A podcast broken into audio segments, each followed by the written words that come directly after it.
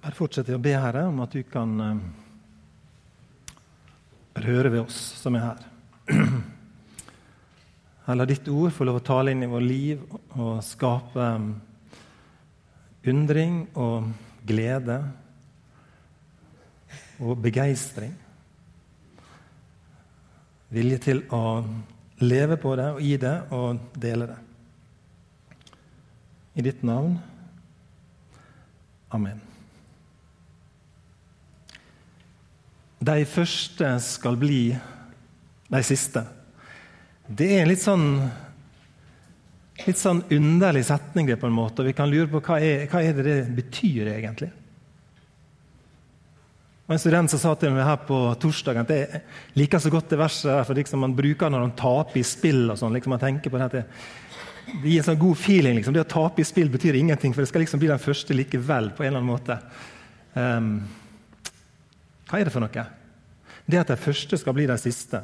Det er en likning som Jesus forteller, der dette bl.a. er brukt.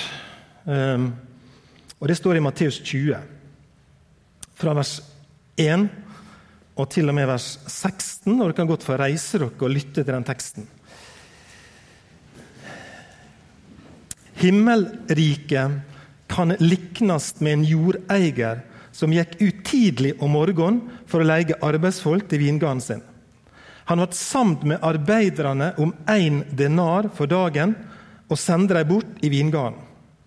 Så gikk han ut omkring den tredje timen og fikk se noen andre som sto ledige på torget. Han sa til dem, gå bort i vingarden det òg, så skal jeg gi dere det som er rett. Og de gikk. Siden gikk han ut omkring den sjette og den niende timen og gjorde likeens. Da de leid til den ellevte timen, gikk han ut igjen og fant enda noen som sto der. Han sier til dem, hvorfor står det her arbeidsløse hele dagen? Fordi ingen har leid oss, svarer de. Da sa han, gå bort i vingarden det òg. Da de lei til kvelds, sa vingardseieren til forvalteren sin, kall fram arbeidsfolket og la dem få lønna si. Ta til med de siste og hold fram til de første. Så kom de som var legde omkring den ellevte timen, og fikk én denar. Da de første kom, venta de å få mer, men de fikk hver sin dinar, de òg. De tok imot pengene, murra mot jordeieren og sa:" De som kom sist, har ikke arbeidet mer enn én time, og så setter du dem likt med oss som har slete og svetta hele dagen. ropetegn. Han sa til en av dem, Ven, jeg gir deg ikke urett. Var vi ikke samde om én denar? Ta ditt og gå. Men jeg vil gi han som kom sist, like mye som deg. Har jeg ikke lov å gjøre som jeg vil med det som er mitt? Eller ser du med vonde øyne på at jeg er god? Såleis skal de siste bli de første, og de første de siste. Amen.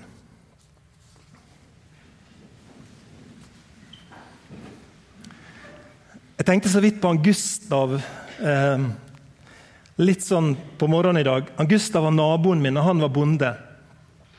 Og vi guttene vi, eh, Jeg tror ikke det var bare gutter heller, jeg tror det var både gutter og jenter som fikk jobb med han på sommeren.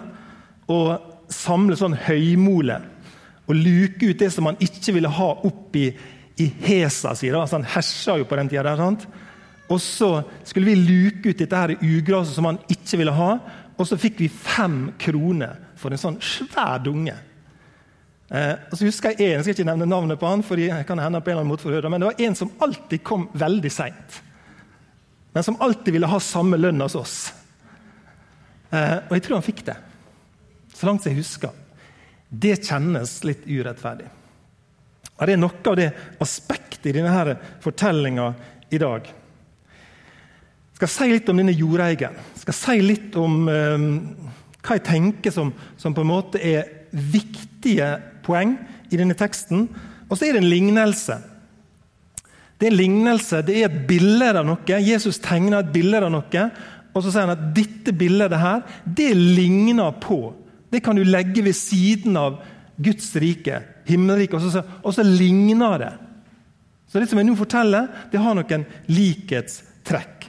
Og så er det ikke sånn, tror jeg, at det er råd å finne liksom svaret på absolutt alle ting i den lignelsen. Hva betyr det, og hva betyr det ikke? Eh, og Det skal jeg la ligge litt i dag. Men det er, i fall, det er noe i denne her som ligner på himmelriket. Litt om vingårdseieren. Og Denne vingårdseieren, eller jordeieren, som det står her, i denne oversettelsen, her, han er ikke som andre jordeiere. Det tror jeg vi kan si. Han er ikke som andre vingårdseiere. Han går ut og leier folk allerede tidlig på dagen, sånn i 60-tida. Um, og så starter den historien ganske normalt. En ting som slår meg, i alle fall, det er at han er, han er utrolig hissig på å få stadig nye folk inn. Stadig nye arbeidsfolk. Han gir seg ikke, selv om det er kommet til den ellevte time. Like før han skal stenge porten, så går han fortsatt ut for å få tak i noen som kan drive denne gården hans. Og Så starter denne historien her på en måte veldig sånn normalt, om vi kan si. Og så får den en veldig overraskende vending når lønna skal deles ut. Det er et eller annet som skjer da. Eh, og Vi kan kjenne og, og, føle på den spenninga og stemninga som var der når disse her, som hadde vært lengst, begynte å nærme seg eh, lønningsbordet. De som hadde jobba én time, fikk nøyaktig det samme som de som hadde jobba i tolv timer. Det er overraskende. Det er en sak for ganske mange eh, interesseorganisasjoner tror jeg, i dag. Er det mulig at han gjør det? Han gir dem én denar. En denar det var en sølvmynt, og det var en vanlig dagslønn. Så Det var ikke noe unormalt i å avtale det til de første. Dere skal få en denar. Eh, det fantes også andre mynter. Eh, F.eks. en skjerv, en koppermynt. Det skulle en skjerv til, eh, eller to skjerver til for ett øre.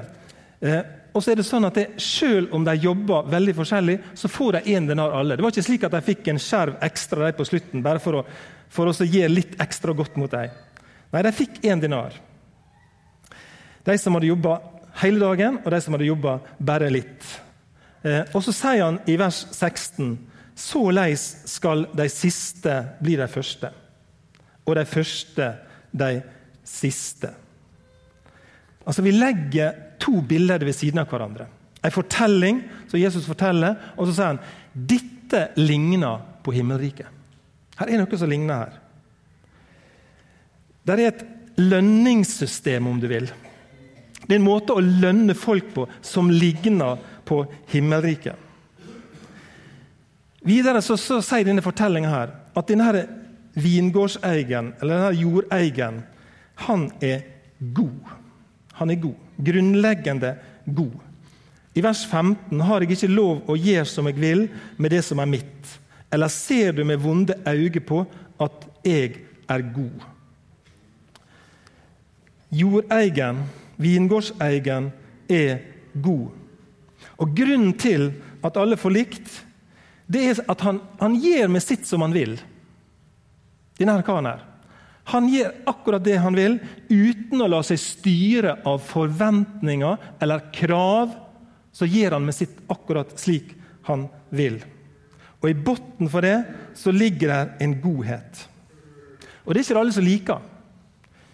Godhet kan noen ganger skape misunnelse. Og i dette tilfellet det skaper sutring, det skaper murring. Jeg vet ikke om vi skal prøve å speile litt litt sånn murre, murredemonstrasjon. Men hvordan det ut når det murrer virkelig. Altså. Men de, de murrer, og de er ikke fornøyde. Og godhet kan skape murring. Det er denne teksten et eksempel på. Gud er god. Gud er god. Det er noe av, av det som særkjenner Gud. Guds godhet. Der er en kar i Bergen som visstnok har det mellomnavnet. Dere har kanskje hørt om han. Knut Osland.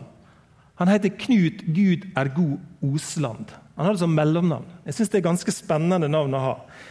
Um, og Jeg søkte han på nett i går for å sjekke eh, opp dette navnet. her. Jeg trodde han bodde i Bergen, men da fant jeg ut at han bor altså på Grønland i Oslo. Godhet har ei adresse. Grønland. Smalagangen 20. Jeg tror det var 0188 eller noe sånt. Oslo. Der bor godheten. Han har til og med et mobilnummer som er 412 93 669. Vi kan ringe godheten sjøl. Godhet har djupest sett sin adresse hos Gud. Gud er god.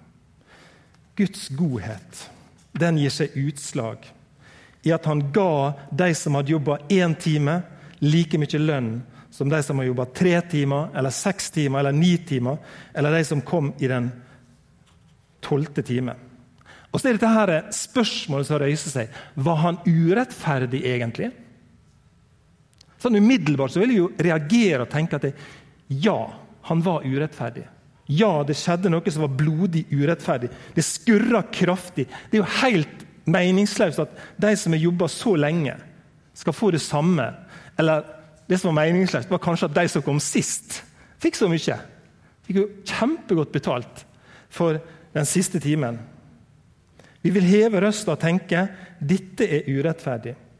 Denne her er en, en urettferdig lignelse. Jeg har verre eksempel enn dette, tror jeg kanskje. Hvis jeg skal se litt i Bibelen på sånne ting.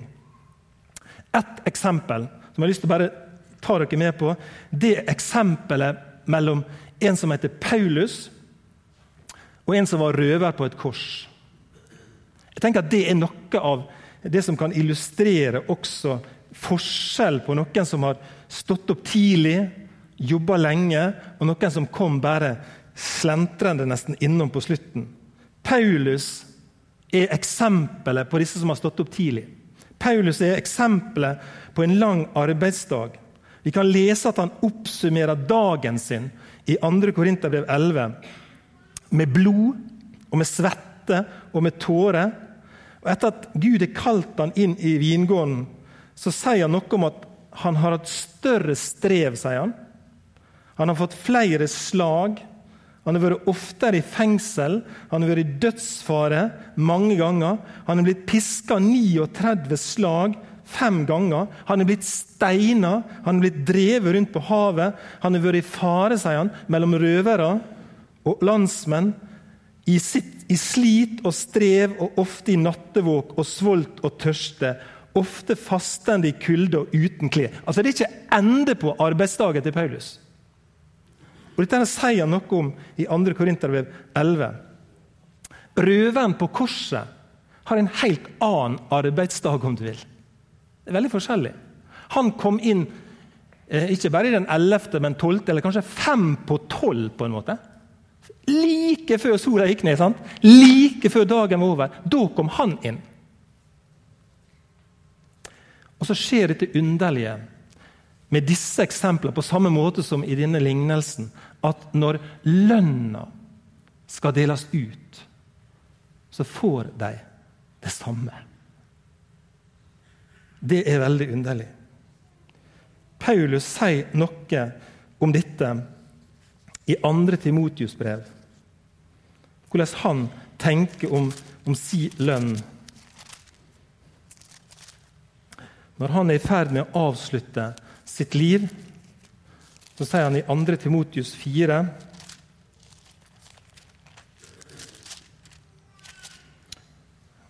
og vers 7 Um, jeg har stritt den gode striden. Jeg har fullført løpet og holder fast på trua.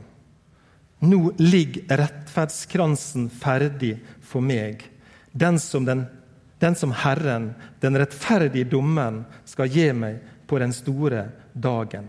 Og så sier han, og ikke bare meg, men alle som har lengta med kjærleik etter at Han skal komme. Når Paulus skal ta imot lønna for sin arbeidsdag, for sitt strev, da får han en denar, på en måte. Når røveren på korset skal ta imot lønna for sin arbeidsdag, så får han en denar, han også. Og det er prenta inn på en måte det samme i disse myntene.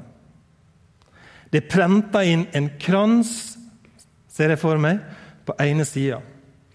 En rettferdskrans. Han får ta imot og bli rettferdiggjort for alltid og være i Guds himmel for alltid. Begge får den samme lønna. Og Det høres urettferdig ut, men sånn er Gud. Og sånn er Guds rike. Gud er suveren. Han gjør med sitt som han vil. Og det tar meg kraftig å tenke den tanken. Jeg gir med mitt som jeg vil. Jeg gir nåde til den jeg vil. For han er Gud. Han er konge fra evig til evig. Han er uforgjengelig, han er usynlig, den eneste sanne Gud som gjør med sitt sånn som han vil. Han gir en denar til Paulus. Han gir en denar til røveren på korset. Han gir en denar til Peter, om du vil, til Moses, til meg og til deg. Og vi tenker kanskje det er urettferdig. Poenget er at på den ene sida av mynten tenker jeg, så er det en rettferdskrans som blir gitt alle ved enden på dagen. Og på den andre sida, hvis Paulus snur sin mynt, og hvis røveren på korset snur sin mynt, og hvis arbeiderne i vingårds i denne vingårdsgården snudde mynten sin, så hadde de fått det samme budskapet, tenker jeg meg. Og det budskapet er et ord på fire bokstaver som heter nåde. Når noen skal få lønn av Gud, så er det nåde. Nåde fra Gud. I himmelriket får vi ikke lønn etter innsats, ansiennitet, utholdenhet, antall timer. Men det fins bare én sort lønn, og det er nåde. Og jeg tror at noe av poenget med denne lignelsen er nettopp å vise den himmelvide store forskjellen mellom disse to arbeidergruppene. Jeg tror at noe av målet er at de skal kjenne på den reaksjonen som det gir oss. Hvis han hadde henta noen i den sjette og noen i den skynde, så hadde vi liksom ikke tenkt så hardt på det. Men det at det er sånn enormt spenn, gjør at vi reagerer. Og jeg tror at det er noe av poenget å få oss til å reagere og skjønne at uansett tid vi starter å jobbe, så er det nåde som er gitt oss. Hva handler det egentlig om dette? Handler det om å komme inn i vingården, eller handler det om tjenester der inne? Kanskje litt begge deler. Hvem er, hvem er disse her siste som skal bli de første? Kan det være at Jesus her, i møte med, med jødene som han snakker med, tenker på at de siste her, det er hedningene? Og de første her, det er jødene. Kan det være at Jesus tenker på det som blir sagt i Johannes 1, når han sier dette. Johannes 1, vers 11. Han kom til sitt eget, og hans egne tok ikke imot han. Men alle som tok imot han, de gav han rett til å bli Guds barn, de som tror på navnet hans. Kan det være det Jesus tenker på? Kan det være det han ønsker å fortelle? Det er noen som har hatt budskapet lenge, og så kommer det noen og får det seinere. Og så er retten til å kalles Guds barn, den er lik. Kan det være at han tenker på at dette handler djupest sett ikke så mye om å arbeide i vingården, men det handler om den nære konteksten som vi leser i vers 17. Når Jesus fortsetter i, i, i, det, i Matteus 20 så står det Jesus drog nå opp til Jerusalem på veien tok han de tolv læresveinene til side og sa til dem.: Se, vi går opp til Jerusalem. Og menneskesonen skal gjeves over til overprestene og de skriftlærde. De skal dømme ham til døden og gi ham over til hedningene, så han blir spotta, piska og krossfest. Og tredje dagen skal han reises opp. Kan det være at det er det Jesus djupest sett tenker på? Han tenker på en, en frelse som skal bli tilbudt. Han tenker på en frelse som skal bli gitt av nåde. Og da tenker jeg følgende Da tenker jeg um, Det mest urettferdige som har skjedd i historien, det er ikke at noen arbeidere som har jobba litt forskjellig, får lik lønn. Det desidert mest urettferdige, om vi skal bruke det ordet, som har skjedd, er at Jesus, som var uten synd, sto opp tidlig, tidlig om morgenen og jobba hele dagen. Midt på dagen, når det var så varmest, så ble han piska. Så sleit han seg opp til et kors. Med mine og dine synder. Han står opp tidlig, tidlig og jobber hele dagen til det mørkner og han roper, 'Min Gud, min Gud, hvorfor har du forlatt meg?' Det mest urettferdige er at det er en annen som har svetta gjennom dagen. Og som tok mi synd og de synd og nagla den fast opp på korset. Det er godhetens djupeste ansikt. Det er godhet. En som jobba igjennom hele dagen og døde for oss. Himmelriket kan ligne på dette. Jeg tenker er det sikkert flere lag i denne lignelsen, men jeg tenker det djupest sett så må det handle noe om Jesus. Det må handle noe om han som åpna en vingård, åpna et jordstykke ved at han dør for oss. Ønsker oss velkommen inn. Om vi har vært der lenge eller vi har vært der kort, så får vi samme lønn. Vi får samme lønn. Og det er Guds ultimate godhet. Det er nåde.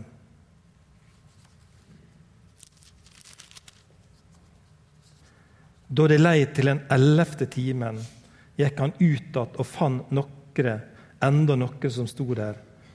Han sier til dem, hvorfor står det her, arbeidsløse hele dagen? Jeg tror at det er det Gud fortsetter med. Og så er han her i dag, tenker jeg. I den ellevte time. Spør om er det noen flere som vil komme inn i hans rike. Han ønsker oss velkommen inn. Inviterer oss ikke først og fremst inn tenker jeg, til å gjøre et arbeid, men for å gi det evige liv. For å gi deg håpet. Gi deg Jesus. Og Da kan du få det spørsmålet i dag, om du vil være med. Vi snakker av og til om å komme i den tolvte time, bli berga i den tolvte time. Og det tenker jeg er mulig også i dag, på grunn av Han som åpner denne gården for oss. Herre, det har jeg lyst til å takke deg for. Takk for din godhet. Takk fordi du inviterer oss inn på ditt jordstykke, inn i ditt rike, bare av nåde. Om vi har vært her lenge eller kort, Herre, så vil du en dag, når sola går ned, når porten blir stengt, så vil du gi oss den samme lønn. I din godhet. Vi takker deg for det. Takk fordi det er mulig i dag. Takk fordi det er mulig i dag å bli henta inn i ditt rike. Fordi du er her og spør. Står dere her? Og så ønsker du oss velkommen inn.